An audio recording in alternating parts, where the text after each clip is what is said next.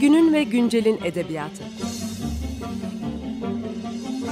Romanlar, hikayeler ve kahramanlar.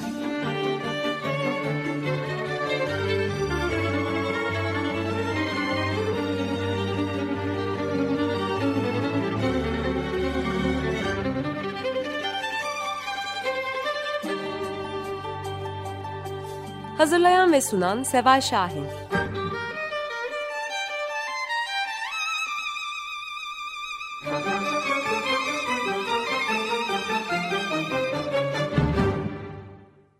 Merhaba, 94.9 Açık Radyo'dasınız. Günün ve Güncel'in edebiyatında bugün konuğumuz Pınar Kür. Merhaba Pınar Hanım. Merhaba Seval Hanım, nasılsınız? Pınar Hanım, beni duyuyor musunuz? Siz beni duymuyor musunuz? Evet evet duyuyorum. Merhaba Pınar Hanım. Hoş geldiniz. Merhaba. Hoş bulduk Seval Hanım. Nasılsınız? İyiyiz. Çok teşekkürler. Programlarımızı böyle uzaktan yapmaya devam ediyoruz. Ee, bugün, evet. E, evet. Pınar Hanım'la e, iki hafta program yapacağız. E, bu programlarımızın ilkini oluşturuyor. E, Pınar Hanım ben belki de size herhalde sizin edebiyatınız söz konusu olduğunda en çok e, sorulan e, sorulardan biriyle başlamak istiyorum. E, sizin edebiyatınız çok cesur bir edebiyat e, ve özellikle Türkiye'de e, kadınlar açısından çok cesur bir edebiyat ve e, edebiyatınızda cinsellik her zaman e, sizinle ilgili yapılan tezlerde, kitaplarda, yazılarda söz konusu ediliyor. E, siz ne diyorsunuz bu sizin edebiyatınızdaki cinsellikle ilgili? Önce bir şey söyleyeyim. Bu şeyin, bu sizin cesaret dediğiniz şeyin pek çok cezasını aldım hayatım boyunca. Evet. Edebiyat evet doğru. Hayatım boyunca. Ee, üç tane kitabım yasaklandı. Sonra toplatıldı. Sonra e, serbest bırakıldı. Ama yani şeye gide gide e, adliyeye gide gele cinayet romanı diye bir roman yazma durumunda kaldım sonra.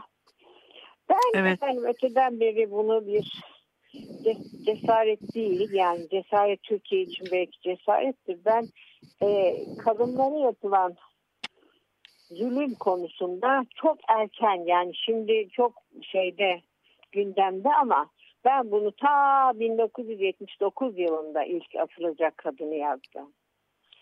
Yani o günden beri de her zaman kadın e, şey kadınlara yapılan zulüm olsun, kadınların cinselliğinin bastırılması, yok edilmesi, çalışması veyahut da kullanılması her zaman benim e, ana temalarımdan biri olmuştur. Çünkü kadının ve etrafıma e, ki gözlemlem, gözlemlerime göre kadınlar çok zor durumda Türkiye'de. Hatta bana bazen sorarlar. Ben derim ki yazar olmak zor. Evet. Türkiye'de yazar olmak daha zor. Türkiye'de kadın kadın yazar olmak en zor diye. Evet, çok haklısınız, doğru. Ee, biz mesela e, birçok e, genç kadın yazarla da e, konuştuk hep e, ve özellikle sizin de dediğiniz gibi Türkiye'de kadın yazar olmak, bir de kadın arzusunu anlatmak, yani kadın cinselliğini anlatmak söz konusu olduğunda bu ülkede yani hala kadın yazarların kendilerini e, ne diyeyim biraz tedirgin hissetmeleri hiç geçmeyen bir şey sanırım değil mi? Mesela siz evet, bunu özellikle evet, dediğiniz gibi. Evet çünkü hemen aa kendi hayatımda ne yapayım bana öyle çok geldi zamanda. Şimdiki gibi e, şey olsaydı e, sosyal medya olsaydı kim bilir ne o kadar yani yazılı medyayla o kadar çok e, şey geldi ki hakaret geldi ki Allah'tan o zaman sosyal medya yoktu yani. Evet. Ve bu doğru. yani bir kadın cinsellik üzerine yazıyorsa veya feminist ise ya çirkindir ya affedersiniz şeydir. Kendileri söylüyorlar evet. açıkça. O, evet doğru. Ortamalıdır. Böyle yani. Yani bu değişmeyen durum da kadın yazarlar açısından oldukça üzüntü verici tabii. tabii yani hala bunun dile getiriliyor. Yani bu bunlar zamanında ama yani 18. yüzyılda filan biliyorsunuz kadınlar takma isimle yazıyorlardı şeyde Avrupa'da İngiltere'de filan. E, Fransa'da da George Sand mesela e, erkek ismidir. İngiltere'de evet. George Eliot ismi, erkek ismi dramatı yazarlar kadındır. Ama onlar 18. yüzyılda bulayı bunu açtılar. 19'da 20'de biz 21. yüzyıla geldik. Daha beter geriye gidiyoruz. Evet maalesef doğru. Ee, Pınar Hanım acaba sizin e, cinselliği anlatmanıza hani sadece bir kadının cinselliğinin özellikle bastırılması değil aslında bu cinsellik vurgusuyla e, bu toplumda erkek olmakla ilgili bir sorunun da var olduğunu e, dile getirmek ya da e, erkek olmak üzerine düşünmek de e, söz konusu mu edebiyatınızda? Evet yani benim e, erkek e, şeyin ağzından yazdığım bir takım hikayeler var veya hatta şeyde e, açılacak romanın iki bölümü erkek ağzıyla yazılmıştır, bir bölümü evet. kadın ağzıyla yazılmıştır. Yani özellikle açılacak kadın birinci bölümünde e, yargıcın gece yarısı düşünceleri geleneksel erkek bakışını gösterirken ee, daha sonra işte, üçüncü bölümdeki e, Yalçın bölümünde ise e, yeni yeni genç bir adamın yeni yeni erkekliğe adım atarken çektiği zorluklar da belirtiliyor. Evet. Yani ben evet. kadın cinselliğini yazmak için zaten e, erkek cinselliğini de biraz anlamak lazım yani. Erkeklerin Değil mi? şeylerini, ikilemlerini de anlamak lazım. Evet. Bir de bu iç dünya yani insanların bu kadar mahrem e, olarak düşündükleri bu iç dünya aslında e, toplumun onları nasıl kimlikler içine hapsettiğinin de önemli bir parçası ve aslında bunun en net görüldüğü yer. Öyle değil mi? Ve bu evet, özellikle tabii bu yalnız bu şimdi işte teknolojinin gelişmesi, iletişimin şey etmesi, e, yayılmasından dolayı bir miktar kırıldı bu. Ama bizim yetiştiğimiz çağlarda hatta daha sonra hatta şimdi bazı çevrelerde aynı şey vardır. Yani adam bir tanesi daha yeni çıktı. E, pembe forma istemiyorum kadınlar futbol oynayamaz filan diye. Yani günümüzde devam eden bir problem bu. Nedir? Kızlar kız doğunca pembe erkek doğunca maviden başlayıp ve ellerine verilen oyuncaklar. İşte evet. sen erkeksin Allah'sın deyip de çocuğumuza yani. Ya başından evet. beri o şey e, öyle yetiştiği için erkekler zaten bu kadar zor oluyor Türkiye'de kadın haklarını korumak. Evet doğru çok yani haklısınız. de öyle yani diyelim ki benim yakın çevrem benim kişiliğime kadınlığıma çok güzel saygı duyuyor ve hiç, hiç problem yaşamıyorum. Ama çıkıp bir taksiye gel bindiğim zaman yine aynı şeye düşünüyorum. Yani onların bakış açısının içine giriyorum. Anlatabiliyor muyum? Toplum öyle geliştiği için. Doğru, doğru. Çok haklısınız. Bir de aslında bu belirli kimliklere hapsolmak ve hani kendisine sunulan hayatı yaşamak durumu aslında sizin eserlerinizde gizlilik olarak konulan şeyin nasıl bir sahtekarlığa dönüştüğünü de aşikar kılıyor gibi geliyor bana sizin edebiyatınızda. Evet, bu müthiş bir sahtekarlık. Ama yani bunu ben e, icat etmedim. Bu toplum içinde var olduğu için yansıyor benim ya. yazdıklarıma da. Gizlilik demek zaten sahtelik demek. Evet, doğru. Zaten yani yalan bu... içinde.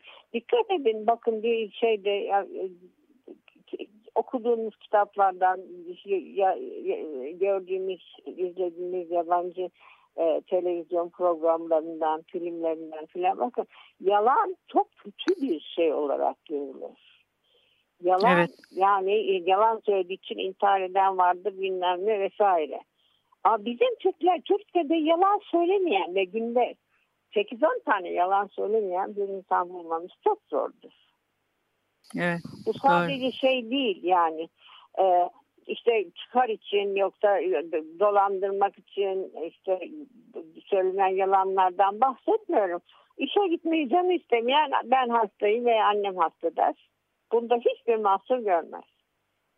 Evet. Maalesef. Yani Doğru. O, o mahremiyet dediğimiz şey başka. Günlük yalanlar da harcı alemdir yani Türkiye'de. Doğru.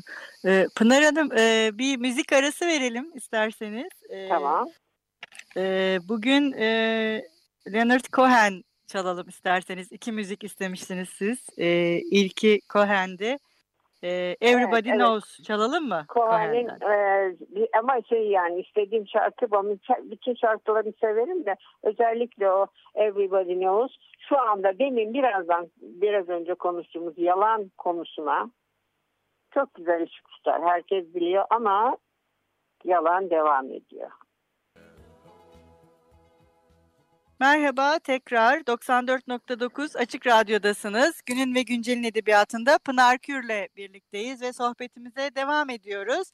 Ee, en son Pınar Hanım'la e, aslında nasıl yalan ve e, sahtekarlığın e, toplumda e, görünmezmiş gibi görünüp e, edebiyata aksinden bahsedip Cohen'in Everybody Knows e, şarkısıyla bir ara vermiştik.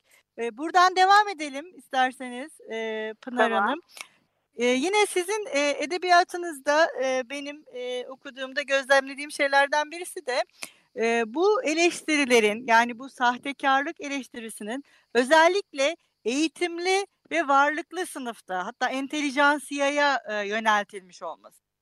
Yani aslında bunlar toplumu e, kurtarabilecek ya da toplumun daha alt kesimlerinin sahip olmadığı e, eğitim ve e, ne diyelim e, donanımla e, onların sözcülüğünü yapabilecekken nedense bundan vazgeçmiş gibi görünüyorlar ve bu vazgeçiş e, sizin edebiyatınızda oldukça ağır bir eleştiri olarak ortaya çıkıyor mu?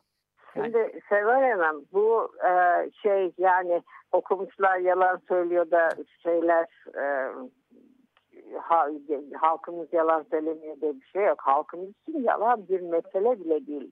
Su içer gibi yalan söyler. Köylüler olsun, e, işçiler ama işçileri bilmiyorum ama pazarcılar da şuydu burada onların söylediği yalan haddi hesabı yok.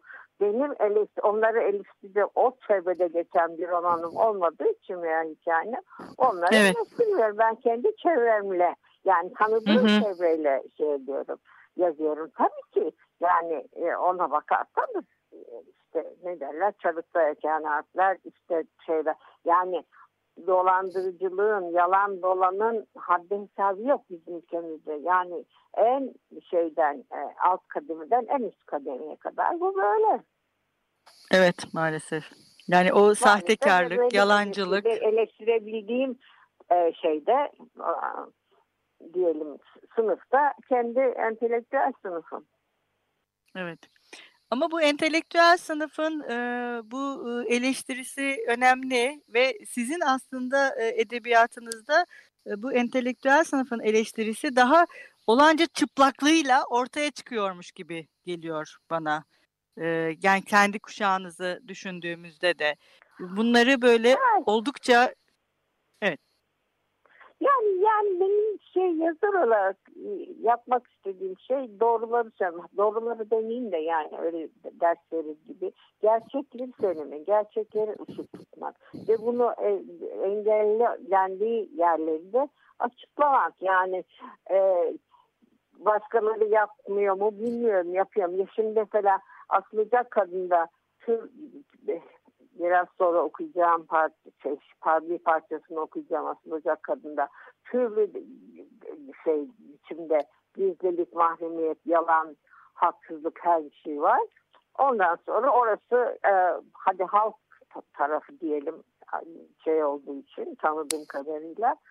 Mesela Sadık Bey'de de tamamen iş şey iş çevrelerinde, şirket e, şeylerinde işte ilişkilerinde, hı hı. şirketlerdeki insan ilişkiler arasında da korkunç bir yalanın döndüğünü gösteriyorum.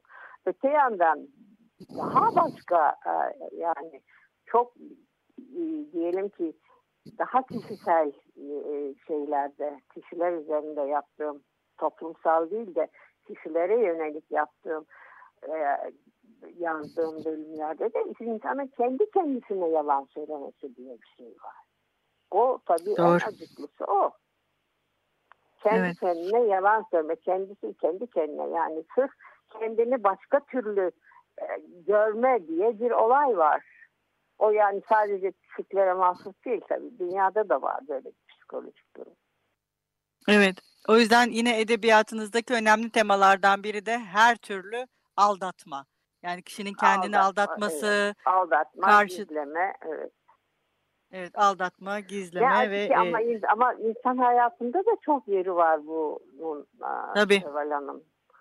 Doğru, yani ben kesinlikle. bunu gözlemlerim neticesinde söylüyorum yoksa e, kafadan atmıyorum.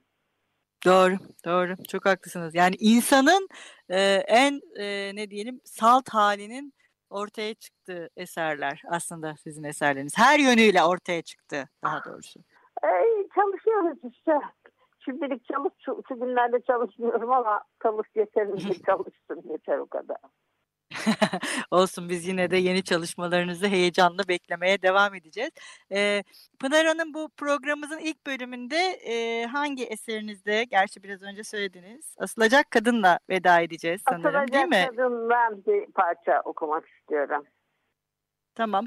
Ee, çok teşekkür ederiz Pınar Hanım. Ee, sizi... Ben çok mutlu oldum sizinle konuştuğuma. Ben de. Haftaya görüşmek üzere diyelim. Hoşçakalın. Tamam. Güle güle. Asılacak kadından hücre, meleğe hücre gelenler böyle aslı bölümden bir parça okuyacağım şimdi. Hiçbir şey demedim. Ağzımı açmadım. Ne diyeceğim ki karşıma dikilmiş bir sürü büyük adam karalar giymişler. Biri de kadın. Kadın olanın daha iyi bir iyi. Daha bir yumuşak bakıyor ama erkeklerin tümü kötü kötü dikmişler gözlerini. Hele o en ortada oturan koca bir adam gözleri ağır saçıyor. Bıraksalar sanki o dakika üstüme e, çöküp boğu verecek. Aynı Hüsrev Bey gibi, aynı Üvey Ağam gibi, tüm e, ötekiler gibi. Ama hepsinden büyük bir adam bu her birinden üstün, üstün o. Konuştu mu herkes susuyor. Kime sen konuş dese o konuşuyor. Ben ne diyeyim ki? Ne konuşan böyle bir adama karşı? Hiçbir şey demedim ördek. Hiçbir şey demedim. Diyeceğim ne var ki? Zaten kendileri anlattılar her bir şeyi. Biz bir dediler hep ettiklerini. Bebelere ne ettiğimi soran olmadı. Hüsrev Bey'i ben vurmadım. Hüsrev Bey ölmedi ki. Kendileri kedileri sorsalardı, anamın ikiz bebelerini sorsalardı, koca karıyı sorsalardı. He ya ben öldürdüm. Yo öldürmedimse de öldüreyim keşke. Her zaman derim. Lakin Hüsrev Bey'i öldürmek benim neyime. Yani ölmedi ki ölmez. Ölmez. Bir yıl geçse hortlar. Zaten esasında hortlak ağacın altından çıkmadı mı? Biliyordum çıkacağını. Yedi kat kara toprağa girdi. Girse gene geri dizilir. Ağacın altını çok kaç, kazmadık gerçi. Bak bu doğru. Kazdırmadı ki Yalçın. Bir yağmur, bir yağmur. Sanırsın gökler delinmiş şeytanın düğün ettiği gün. Kurtulmak. Nasıl kurtulmakmış? Yedi kat kara toprağın altından geldi çıktı işte. Hortladı. Zaten hep hortlak gibi bakar gözleri. Yalçın onu öldürebilir mi ki? Kim oluyor ki Yalçın? Yalçın ben sizin teki. Bir de beni sever mi diyor. Seviyor musun? O da ne demekmiş? Hiç bilemedim. Günün ve güncelin edebiyatı. Romanlar, hikayeler ve kahramanlar.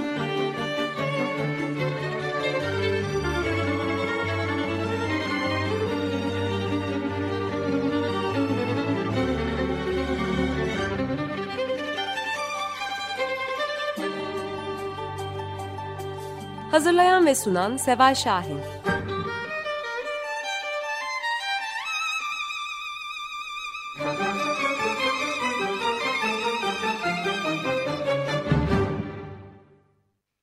Açık Radyo program destekçisi olun. Bir veya daha fazla programa destek olmak için 212 alan koduyla 343 41 41